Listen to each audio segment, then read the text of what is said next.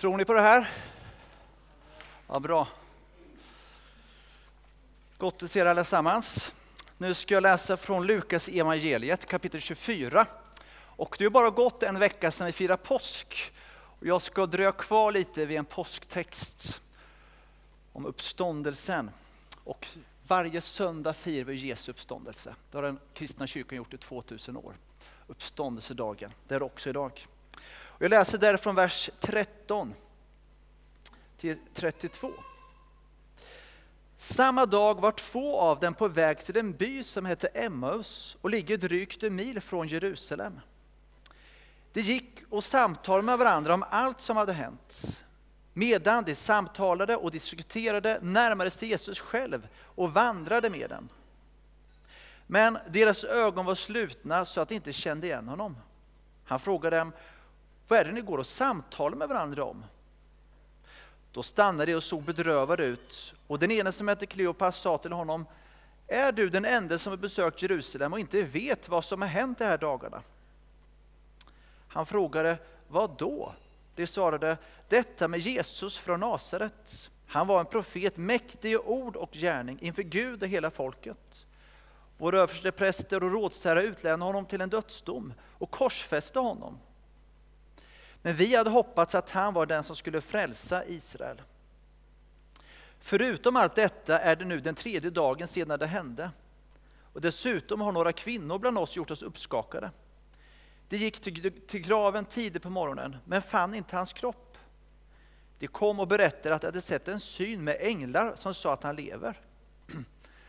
Då gick några av de våra till graven, och de fann att det var som kvinnor hade sagt, men honom själv såg de inte. Då sa han till dem, så tröga är i tanke och hjärta till att tro på allt som profeten har sagt. Måste inte Messias lida det här för att sedan gå in i sin härlighet? Och han började med Mose och alla profeterna och förklarade för dem vad det stod om honom i alla skrifterna. De närmade sig byn dit de var på väg och han verkade vilja gå vidare. Men de bad honom ivrigt, stanna kvar hos oss. Det är snart kväll och dagen går mot sitt slut. Då gick han in och stannade hos dem. Och när han låg till bords med dem tog han brödet, tackade Gud, bröt och gav åt dem. Då öppnades deras ögon och de kände igen honom. Men han försvann ur deras åsyn. De sa till varandra, brann inte våra hjärtan i oss när han talade med oss på vägen, när han öppnade skrifterna för oss. Amen. Är det någon som kommer ihåg Gevalias reklam? Jag vet inte om de har den fortfarande, men de hade den i flera år. Ett oväntat besök, är det någon som har sett den? Ett oväntat besök, när du får oväntat besök. De här lärjungarna fick verkligen uppleva ett oväntat besök. De var inte alls förberedda för det här. För det gick ju det sorgsna, förtvivlade, ja, allt kändes hopplöst. Han hade ju dött, han fanns inte längre Jesus. Det gick det sorgsna. Kanske du har fått något oväntat besök någon gång? Som i Gevalia-reklamen, eller som vid det här tillfället. Kanske du har fått ett besök av Jesus någon gång, fast du själv inte har känt igen honom. För det gjorde ju inte de här. När jag var tio år ungefär, så hände det något speciellt som har liksom fått betyda mycket för mig genom hela livet. Jag gjorde ett möte med himlen. Vem det var vet jag inte. Jesus, en ängel. Hur som helst så låg jag där på min bädd, tio år gammal. Och helt plötsligt så kommer in till någon. Kommer in någon till mig under natten där. Och jag känner liksom hur den här som kommer in till mig, den här personen, lägger sin hand på min rygg och det var en stor hand, jag minns fortfarande att det var en stor hand. Och jag minns fortfarande konturerna från handen och fingrarna och hur jag blir varm i hela kroppen. Och jag känner hur hela rummet fylls av en sån atmosfär. Oh, det var en sån härlig känsla när jag låg där. Vad är det som händer? Och jag blev precis varm, ungefär som en stekpanna eller på att säga. Jag bara känner hur det kokar inom mig. Vad är det som händer? Jag vill bara en liten kille, men jag fattade att det här är något speciellt. Och plötsligt så var handen från ryggen borta. Och så kände jag liksom hur den här personen gick ut från rummet igen. Och så var det som vanligt igen. Så var det borta. På morgonen sen sa jag till mamma och pappa, vad gjorde ni hos mig i natt? Vad då? Gjorde hos dig i natt? Ja, men ni var inne hos mig och la handen på min rygg. Bad ni för mig eller något sådär? Nej, vi har inte varit hos dig. Så förklarade jag för dem vad jag hade upplevt. Och då sa de, min mamma och pappa, men Thomas, du hade säkert besök. Antingen var det en ängel, annars så var det Jesus själv. Den upplevelsen har jag burit med mig genom hela livet. Det finns ingen som kan ta den ifrån mig. För jag vet att jag upplevt den och den har liksom märkt mig. Och genom åren så har jag fått göra upplevelser av Jesus. Men det här är en av de mest dramatiska upplevelserna. Men ibland kommer Jesus på ett sådant sätt så att vi inte tänker på det. Det gjorde de ju inte här. Jesus säger i Matteus 18 och 20, där två eller tre är samlade i mitt namn, det är jag mitt ibland er. Så vi kan veta här idag att Jesus är här och nu på riktigt. Lika visst som ni ser mig här, som ni ser ja, kyrkan, han är här lika verkligt. Ibland så vet jag inte riktigt om vi tror på det. För då skulle du vara ännu mer glad, ännu mer inspirerad, ännu mer fylld av tro, ännu mer fylld av förväntan. Det är ju på riktigt, Jesus är här på riktigt. Vi liksom inte bara drömmer om honom långt borta där någonstans. Nej, han säger att han är mitt ibland oss när vi samlar hans namn. Hur och på vilket sätt? Jo, genom den heliga Ande. Det var därför som Jesus sa till lärjungarna, det är nödvändigt att jag går bort, det är nödvändigt att jag lämnar er, för jag ska sända er en annan hjälpare från Gud. Och det är han som är här nu, den helige Ande. Och genom hans närvaro så är också Jesus här. För Gud är en, Fader, Son och Helige Ande. Gud är en. Fantastiskt. Så därför kan vi veta här idag att precis när vi, läste, när vi läser Bibeln vad Jesus gjorde, när han gick omkring här på jorden, samma sak kan Jesus göra här idag. Han gick omkring, gjorde väl och hjälpte alla. Han förlät synder. Han botade sjuka. Han förvandlade människors liv. Lika verkligt som vi tror att det står här att det skedde, lika verkligt kan det vara här idag. Om du säger, ja Herre, kom och låt din vilja ske i mitt liv. Jesus är alltså här i realtid, han är här just nu. De här Emmausvandrarna, de här lärjungarna gick alltså och samtalade med Jesus utan att förstå att det var han. Och vi kan ju tycka att det är konstigt att de inte fattar det här, att de inte kände igen honom. Men det var liksom inget skimmer runt Jesus. Och eh, han, luktade en, han luktade inte ens tre dagars död. Det var liksom ingen unken gravlukt som, som var runt honom heller. Kanske det är så ibland att Gud är närmare oss än vad vi tror, än vad vi anar. För de förstod inte att det var Gud, Jesus, som gick bredvid dem, men han var där. Kanske det är så i ditt liv också, att Gud är så nära många gånger, men du tänker inte på det, du märker inte, för det känns så vanligt. Men det är ofta där Jesus är, han är i det vanliga, han delar vår vardag med oss. Därför kan vi ibland missa att han faktiskt är där. För vi tror att det ska vara så speciellt. Och det var det för mig den där natten. Men de andra gångerna har det inte varit alltid så speciella. Men jag har känt hans närvaro och han har hjälpt mig många gånger. Gud är alltså med oss när vi minst anar det. Och det vi lär oss utav det här, det är att vi också i mötet med andra människor så ska vi möta dem som, ja, de faktiskt vore Jesus själv. Vad säger Jesus i Matteus 25, vers 35 ska jag läsa. Matteus 25, vers 35. Jag var hungrig och nu gav mig att äta.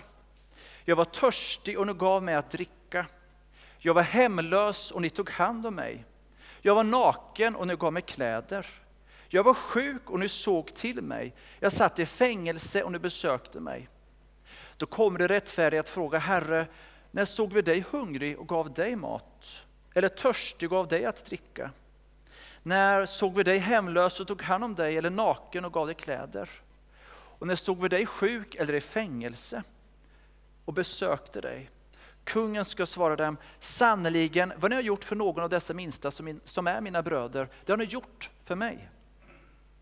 Sen ska han säga till den som står till vänster, gå bort från mig ni förbannade, till den eviga eld som väntar djävulen och hans änglar. Jag var hungrig och nu gav mig inget att äta. Jag var törstig och nu gav mig inget att dricka. Jag var hemlös och nu tog inte hand om mig. Jag var naken och nu gav mig inga kläder. Sjuk och i fängelse och nu besökte mig inte. Då kommer också det att fråga, Herre, när skulle vi ha sett dig hungrig eller törstig eller hemlös, naken, sjuk eller i fängelse och lämnat dig utan hjälp? Då ska han svara dem, sannerligen var ni inte gjort för någon av dessa minsta, det har ni inte heller gjort för mig. Dessa ska gå bort till evigt straff, men det rättfärdiga till evigt liv. Jesus hade sagt att han skulle uppstå från de döda på tredje dagen efter sin död. Och nu när det hade skett så visste de inte riktigt vad de skulle tro, de här Emmausvandrande lärjungarna. Vi har hört att de har sagt, men de visste inte vad de skulle tro. Några kvinnor hade ju sett Jesus vid den tomma graven, hade mött änglarna vid den tomma graven. Och Maria hade till och med fått möta Jesus som hon trodde först var själva trädgårdsmästaren. Hon fick möta honom där. När Jesus så promenerar med Emmausvandrarna så undervisar han dem om Mose, profeterna och förklarade också för dem vad som stod i skrifterna, alltså Gamla Testamentet. Och vad talar han om då? Jo, han berättar om sig själv, vad som står skrivet i skrifterna. Ändå förstod de inte att det var Jesus. Inte förrän de låg till bords och var framme med oss och åt tillsammans. Och där kände de igen Jesus. De tog brödet, delade och gav åt dem. Då öppnades deras ögon som förstod att det var ju Jesus. Och det är då de säger, för då plötsligt, men Jesus, innan de ens har hunnit säga det så var han borta redan. Och då säger de till varandra, men brann inte våra hjärtan när han talade med oss på vägen, när han öppnade skrifterna för oss? Brann inte våra hjärtan? En av de viktigaste frågorna du och jag kan ställa oss idag är om våra hjärtan brinner. Och om den här branden sätter prägel på våra liv. Kung Salomo säger, kung Davids son, i Ordspråksboken kapitel 4. Framför allt som ska bevaras må du bevara ditt hjärta, ty från det utgår livet. Kapitel 4, vers 23. Bevara ditt hjärta, därifrån utgår livet. Och aposteln Paulus säger i Efesierbrevet 3 och 17 att Kristus genom tron skall bo i era hjärtan. Vilka löftesord! Än en gång, det är på riktigt. Jesus är här, men han bor också i den som tror på honom. Han bor i dig som tror på honom, i dig genom den helige Ande. Helt fascinerande. Så Jesus inte bara vandrar med oss genom livet. Han går inte bara bredvid, utan han bor i oss. Och när Jesus bor i våra hjärtan så gör han något också med våra liv. När Jesus kommer in i våra liv så ser vi på våra liv på ett helt annat sätt. Vi ser på vår omvärld på ett annat sätt, vi ser på våra medmänniskor på ett annat sätt. Ja, hela tillvaron blir annorlunda när Jesus kommer in. För han är Gud. Innan Jesus kommer in i människans liv så säger Bibeln att det är död. Det var därför Jesus kom, för att rädda oss från den eviga döden, från synden.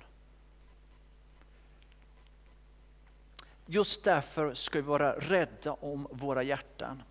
I en tid av mycket mörker, hopplöshet, svårigheter i vår värld så kan du och jag få göra skillnad i andra människors liv genom att förmedla kärlek.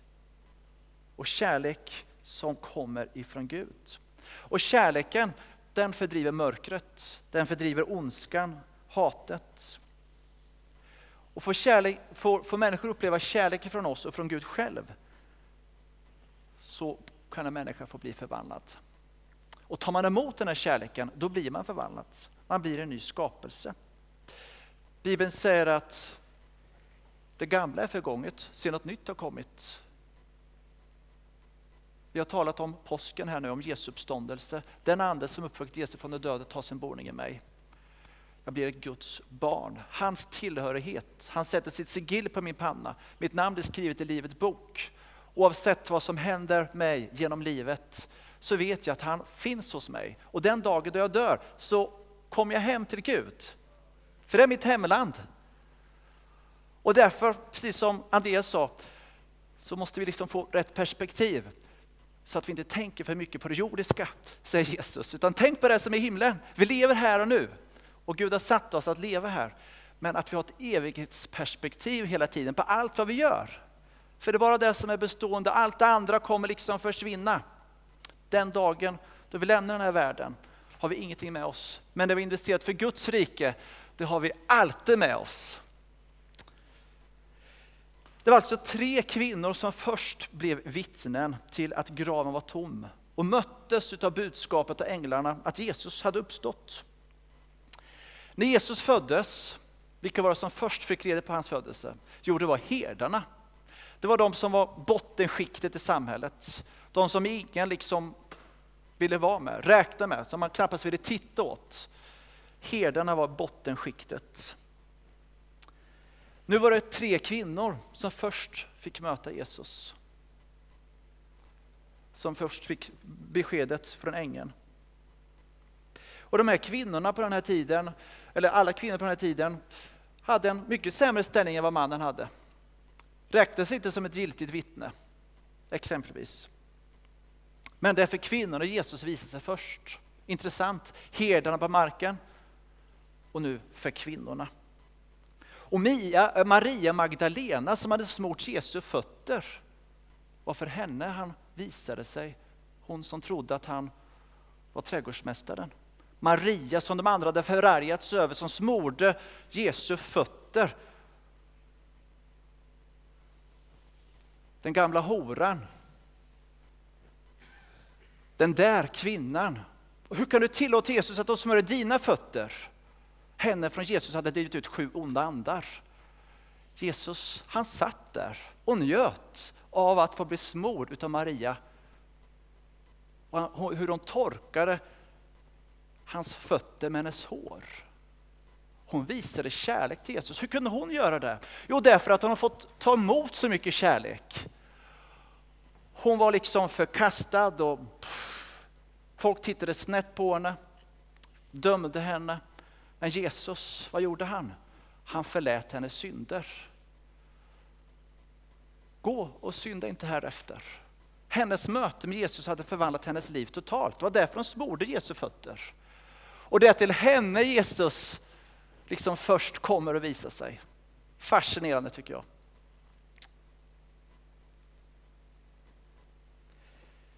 Sen visar sig Jesus för de här lärjungarna, då, Emmaus-vandrarna.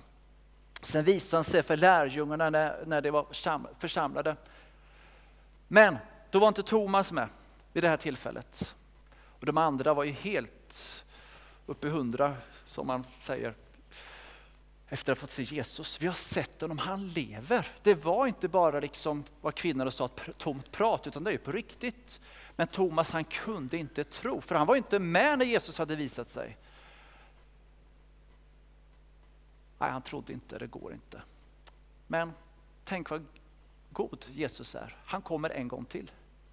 Och han visste redan vad liksom Thomas brottades med, vad han kämpade med. Jag kan inte tro om jag inte får se spikhålen i hans händer, om jag inte får sticka in fingret där, om jag inte får sticka in fingret vid sidan på hans kropp.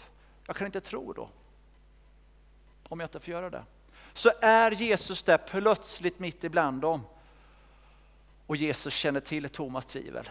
Men han möter honom där med kärlek och säger Thomas, stick in ditt finger här. Min Herre och min Gud. Ah, också han fick se Jesus och förstod att det var Jesus. Sen visade sig Jesus vid ett annat tillfälle för mer än 500 bröder. Eller 500 lärjungar står det. Första Korintierbrevet 15 säger Paulus där, för mer än 500 stycken. Och för Paulus, som tidigare hette Saulus, visar han sig för honom på väg till Damaskus. Han var en förföljare mot de kristna, han hatade de kristna. Han vaktade bödlarna som stenade Stefanos. Han drog ut män, kvinnor och barn ifrån hus och hem och lät sätta dem i fängelse. Och nu på uppdrag så skulle han göra samma sak i Damaskus. Han andades utav hat och mordlust, Saulus. Hat och mordlust. Han fick ett oväntat besök, också han. Helt plötsligt så kom det ett starkt sken där. En röst från himlen, han föll av hästen. Vem är det? Jag är den du förföljer. Hans möte med Jesus förvandlade hans liv totalt. Hans oväntade besök gjorde allting nytt i hans liv. Genom att Jesus gav sitt liv för dig och mig, för våra synders skull på Golgata och på tredje dagen uppstod från de döda för vår frälsnings skull, så förändrades förutsättningarna inte bara för människan utan för hela skapelsen. Genom Jesus så får vi tillbaka Guds gemenskapen igen. Den som blev bruten på grund av att synden kom in i skapelsen. Och genom Kristus så har vi alla samma värde som människor. Man som kvinna, fattig som rik, vit som svart, herre som tjänare. Vi har alla lika värde inför Gud. Och genom tro på Jesus så ska vi få leva även om vi dör. Jesus sa själv om sig själv i Johannes 11. Jag är uppståndelsen och livet. Den som tror på mig ska leva om han än dör. Och var och en som lever och som tror på mig ska aldrig någonsin dö. Vilka löftesord! Amen. Tror ni på det? Ja, det är sant. Jesus är på riktigt. Det är en sån dynamit i det här med uppståndelsen, budskapet om Jesu uppståndelse. Och vi behöver förstå liksom att det här förändrade hela världshistorien när Jesus uppstod. När han dog och när han uppstod. Allt blev nytt i grunden. I 40 dagar fick Jesus sedan vara tillsammans med lärjungarna då han undervisade dem om allt och förberedde dem för att den helige Ande skulle bli sänd. Kanske du här idag också kan få ett möte med Jesus.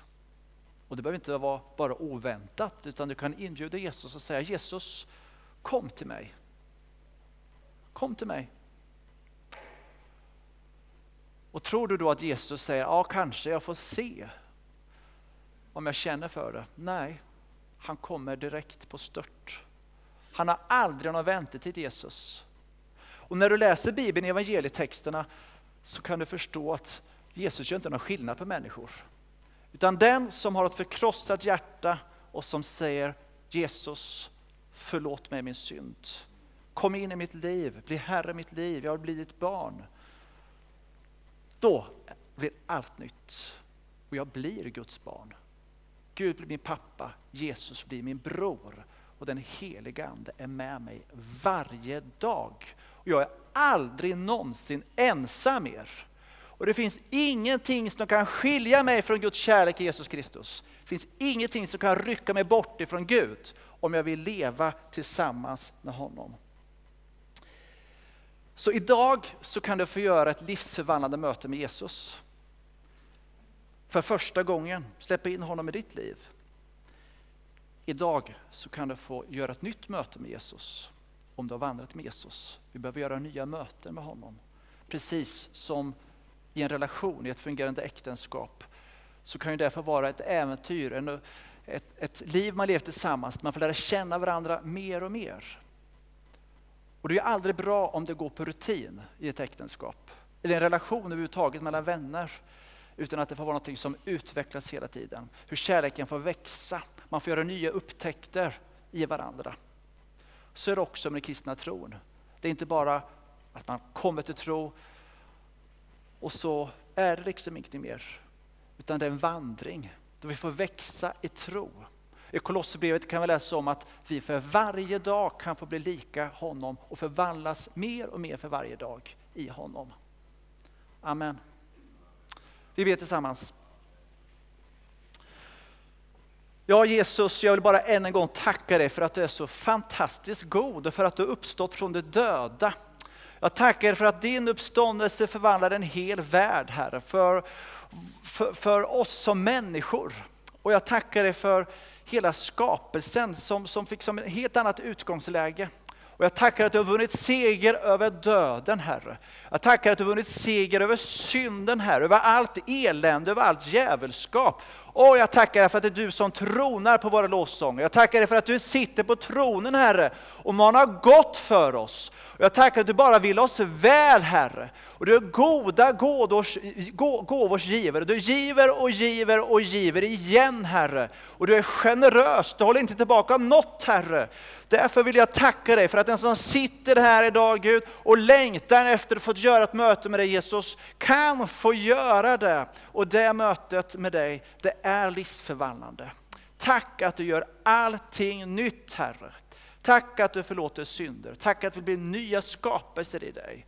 Tackar dig också att du idag kan röra över den som är sjuk till sin kropp, Herre. På samma sätt som du botade människor, som vi läser om i Bibeln, på samma sätt kan du göra det här och nu, idag, just nu. Vi bara prisar dig för det Jesus, att du är undrens Gud. Och jag tackar dig också att du kan upprätta människor här idag, som du upprättade Maria, Herre, som du upprättade så många genom hela Bibeln, Herre, så gör du också idag. Tack Jesus. Välkommen helige Ande, att bara röra vid oss här var och en. Och tackar dig att du är en gentleman, att du inte forcerar och tvingar sig på oss, utan du kommer nära oss. Du frågar oss vad vi vill och då kan vi svara och gensvara. Tack för att det är tid att söka dig och att vi får göra det idag. Amen.